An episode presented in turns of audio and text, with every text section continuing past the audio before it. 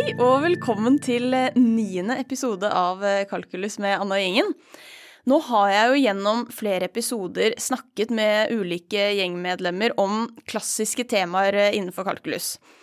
Men så er det jo sånn at selv om man har hørt en podkast, lest en bok eller vært på forelesning om kalkulus, så er det jo ikke nødvendigvis sånn at man forstår alt likevel. Så i dag har jeg med meg en gjest som skal fortelle litt om hvordan man kan bli god i matte og om hvilke utfordringer man eh, møter på veien. Og den fra gjengen min eh, jeg har med meg i dag, er Karoline Mo. Velkommen hit. Takk for det, Anne. Eh, kan ikke du fortelle litt om hvem du er?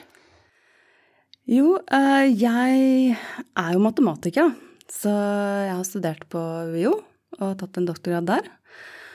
Og så jobber jeg nå på Realfagsbiblioteket og litt på instituttet.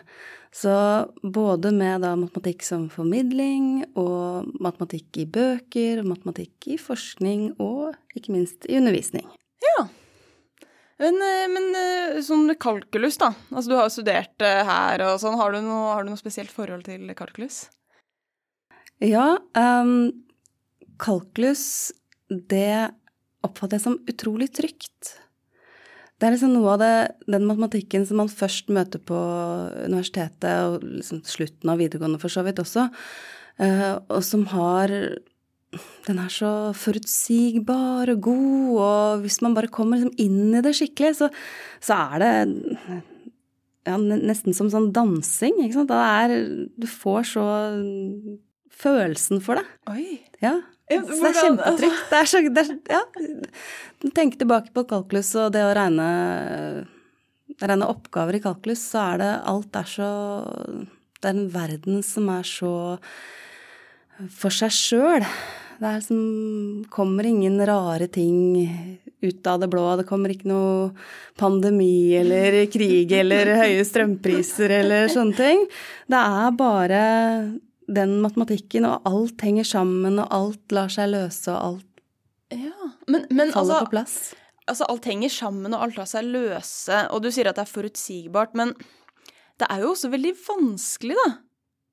Altså, kalkulus, det er så mye, det er så mange oppgaver man skal løse, og man sitter der og vet ikke hvordan man skal angripe et problem. Er det ikke, er det ikke også vanskelig? Altså, det er jo litt av problemet, da, at når man har lært seg matematikk, så er den jo ikke vanskelig. Nei. Men det er jo vanskelig å lære seg den av og til. Ja. ja. Hvordan kan man Har du noe på en måte Hvordan kommer man dit at man har lært seg matte eller kalkulus, da? Ja, jeg har jeg tenkte litt på det, jeg fikk jo spørsmål der før vi skulle snakke sammen. Mm. Så jeg har tenkt litt på det. Hvordan jobbet jeg egentlig? Og hvordan liker jeg å jobbe, og hvilke ulike arbeidsmåter har jeg prøvd for mm. å lære meg matematikk? Og kom fram til at Altså den, den, første og kanskje mest klassiske, det er liksom gå på forelesning, og så få liksom presentert av en foreleser. Hvordan eh, er dette stoffet, eh, te teoremer kanskje, eh, bevis, også noen oppgaver, noen eksempeltyper. Og så det å se da noen av detaljene som man egentlig skal forstå, de får man presentert som eksempler, og så får man mm løst oppgaver, og så har man jobbet mer med de liksom, detaljene som man skal forstå, i oppgavene. Ja. Og så nærmere eksamen, så kanskje man setter seg ned og gjør eksamensoppgaver, og kanskje man må kikke i fasit, kanskje man må se på løsningsforslag, eh, og lære av det som en slags sånn modellæring, da. At man man får ordene og får begrepene presentert av noen, og så jobber man det jeg pleier å si liksom, fra læreboka til fingerspissene, liksom gjennom kroppen. Ja. Sånn at man først liksom får en slags forståelse for det, og så skal man prøve på oppgaver som er liksom ganske kjent, og så får man liksom oppgaver som innebærer noe nytt kanskje også, og så får man det til slutt, så sitter det som sånn helt ytterst i fingerspissene som sånn ja, som denne dansen, da. Eller sånn en, en eh, sånn elegante, fine som bare ja, faller på plass. Brikkene ramler liksom sammen. Ja, for du var liksom du var inne på det med at man, man, gjør oppgaver, og så kanskje man mm. må se på fasit eller løsningsforslag. Og det er mm. jo noe jeg, jeg, jeg er jo vant til det selv. Det er jo sånn man prøver på en oppgave, og så er det ikke sikkert man får det til. Og da er det lett å se i fasit og løsningsforslag, og man får høre at man må ikke se man må ikke se på løsningsforslaget for tidlig. Men eh, det virker jo som du har en sånn at det en grunn, kan være en grunn til å se på løsningsforslag òg, ja, ja, ja. Du kan ikke bruke en hel dag på en oppgave. Nei. Da har du jo kasta bort så mye tid. Nei, så liksom bruke litt tid, prøve. Se kan jeg nå nok til å angripe denne oppgaven. Mm. Hvis du ikke kan det, så er det å liksom se på fasit eller løsningsforslag, det er én måte å da komme et steg opp på. Men man kan ikke da bare si ok, ja, men nå har jeg sett løsningsforslaget, så da er jeg ferdig med den oppgaven. Mm. Det nytter ikke. Du må liksom legge bort løsningsforslaget, legge bort oppgaven. Mm. Eh, ja, kanskje før du legger den bort, jobbe deg gjennom da, løsningsforslaget. Ja. Og så, sånn at du har en modell der. Mm. Og så legge det bort, og så åpne oppgaven på nytt igjen en uke senere. Ja. sånn. Og så kan du si ja, ok, jeg lærte faktisk noe av å gå gjennom løsningsforslaget. Jeg lærte den strategien som skulle til. Mm. Eller jeg har nå fått mer forståelse ved å gjøre andre oppgaver i mellomtiden. Ja, for det er på en måte For det føles jo litt sånn at da har jo noen forklart meg hvordan jeg skal løse det, og så kanskje jeg Da føles det nesten som jeg pugger løsningen. Mm. Og så har jeg egentlig forstått noe da? Går jeg egentlig rundt og bare kan masse måter å løse oppgaver på, uten at jeg kan hva jeg egentlig driver med? Ja, altså pedagogene har jo liksom he, hele lange teorier om dette her, altså sånn internali, internalisering og operasjonalisering og, og full pakke. Eh, og det er jo en sånn stor diskusjon rundt dette her med at om man liksom kan lære av ehm, det å bare trene på å bruke formler, liksom. ja. Eller om man trenger den forståelsen ja. eh, for objektet. Og um, jeg tenker at man virkelig trenger begge deler. Altså det er ikke løsrevet Mm. fra hverandre i det hele tatt. Altså, du kan vite hva en hammer og en spiker og en plank er. Uh, alt, altså så mye du vil. Så mye du vil om materialer og mengde og størrelser og kref, krefter. Men hvis ikke du kan sette dem sammen, Mm. så kan du ikke gjøre noe. Så har du forståelse uten å kunne å bruke en formel, Ja. så nytter det ikke. Men det er også med motsatt. Ja. Hvis du kan hamre og spikre med planker, Ja. så blir ikke det noe særlig ålreit byggverk, med mindre du har en sånn formening om hva det er du skal. Da. Ja, ja. Det er et godt bilde, da.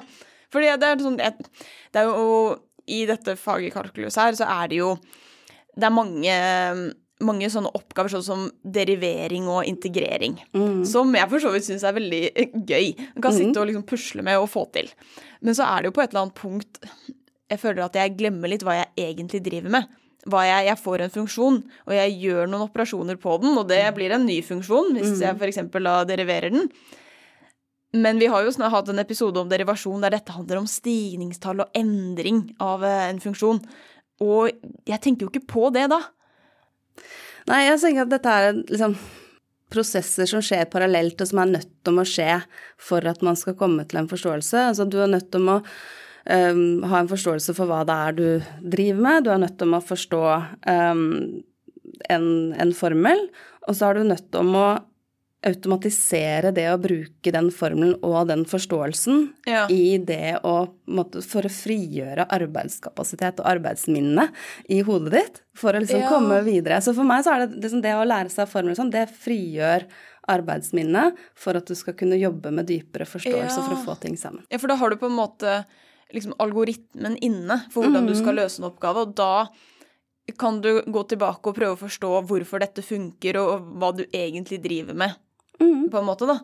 At det er litt sånn Nesten en litt sånn metode for å lære matte som kanskje skiller seg litt fra andre områder, da. At du går liksom Du glemmer forståelsen litt, og så gjør du litt oppgaver og prøver å bare få et svar, selv om du ikke helt vet hva du driver med, og så kan du gå tilbake.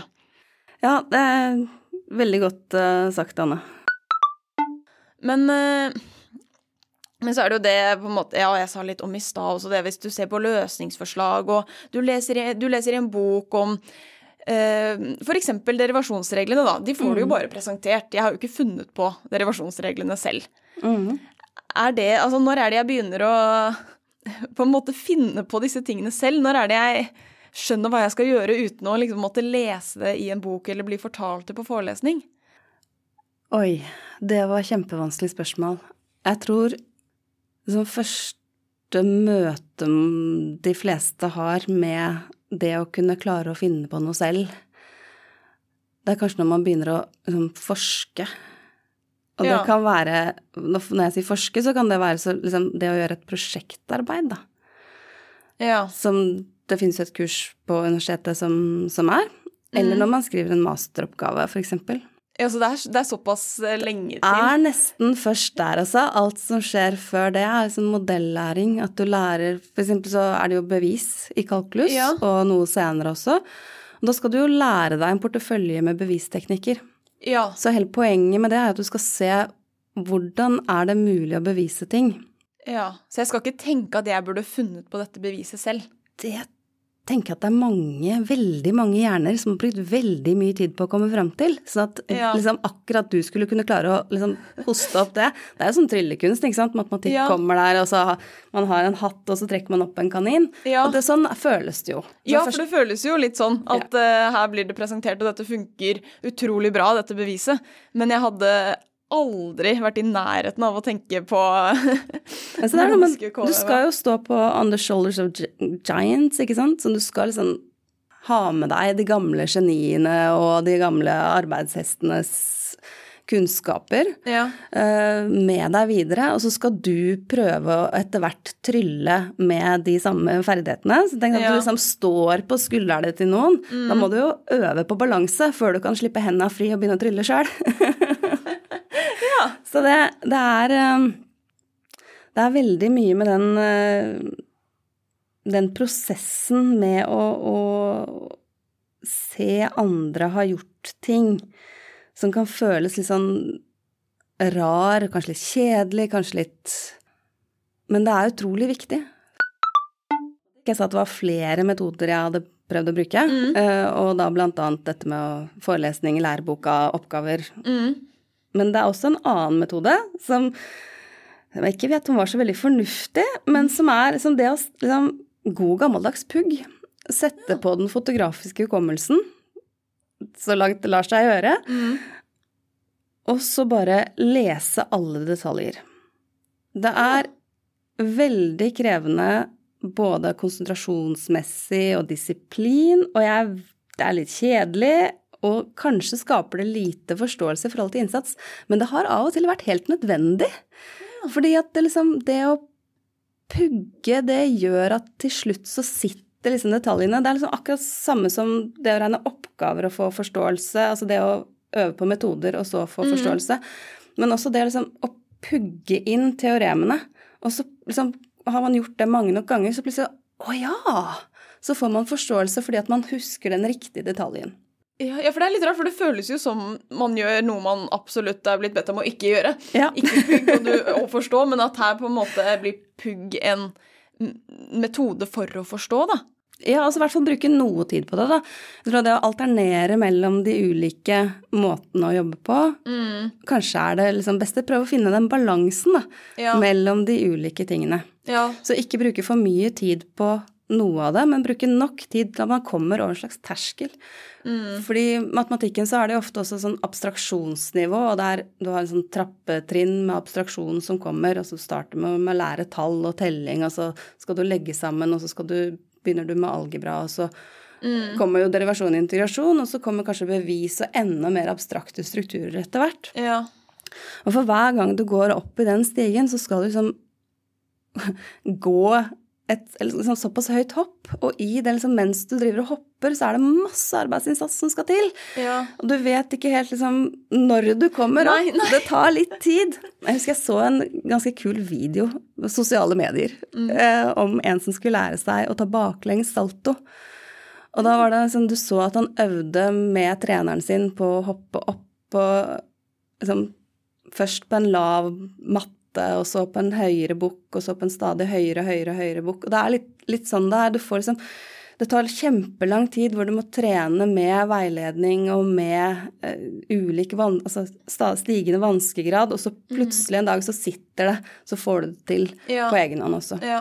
ja, det er jo sant. Det er jo sånn man gjør det i på andre Tror- områder også. Ja. Det, det er jo det. Man, man finner ikke ut hvordan man skal ta salto helt, eh, helt av seg selv, på en måte. Mm -mm. Nei. Men eh, jeg snakket jo om det er flere måter å lære seg matematikk på. Mm. Det er ikke bare uh, pugg, men det er det som du var inne på, nemlig det når finner jeg på noe sjøl? Mm. For det er jo denne forskningen, dette med å prøve seg på et problem Mm. når du ikke har noen veiledning i læreboka. Du har liksom ingen form for Ja, du ser ikke noe eksempel som uh, eh. eh, passer og sånn? Mm. Så hva gjør man da? Mm. Og da er det ofte litt sånn at du blir gående i litt små sirkler rundt det du kan fra før, sånn at du bare har liksom noen sånn Du kommer liksom ikke så langt. Du kommer bare sånn bitte små sirkler rundt det du allerede Altså du Ja, du jobber med prøver på akkurat det noe, du og så gir, går ikke det. Og... Nei, og så kommer du ikke noe lenger, da. Mm. Men så trenger du kanskje å spare med noen, og så ha ja, en veileder som kan dra deg litt ut i proksimale utviklingssone for å trekke inn litt pedagogikk. Mm.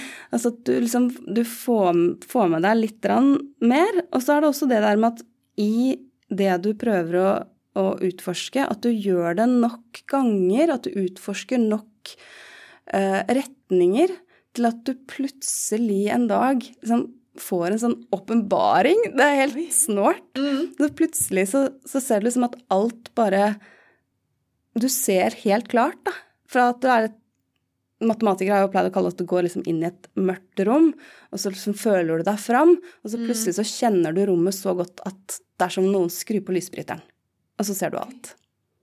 Så det, det er um, Det er jo helt sånn magisk, da, når det skjer, og det er ikke så ofte, og det krever mye liksom arbeid i å sitte og jobbe. Ja, for da må man være litt sånn seig på en måte, da. Sitte og jobbe og ikke gi seg. Ja, det å være dårlig på å gi seg, Mm.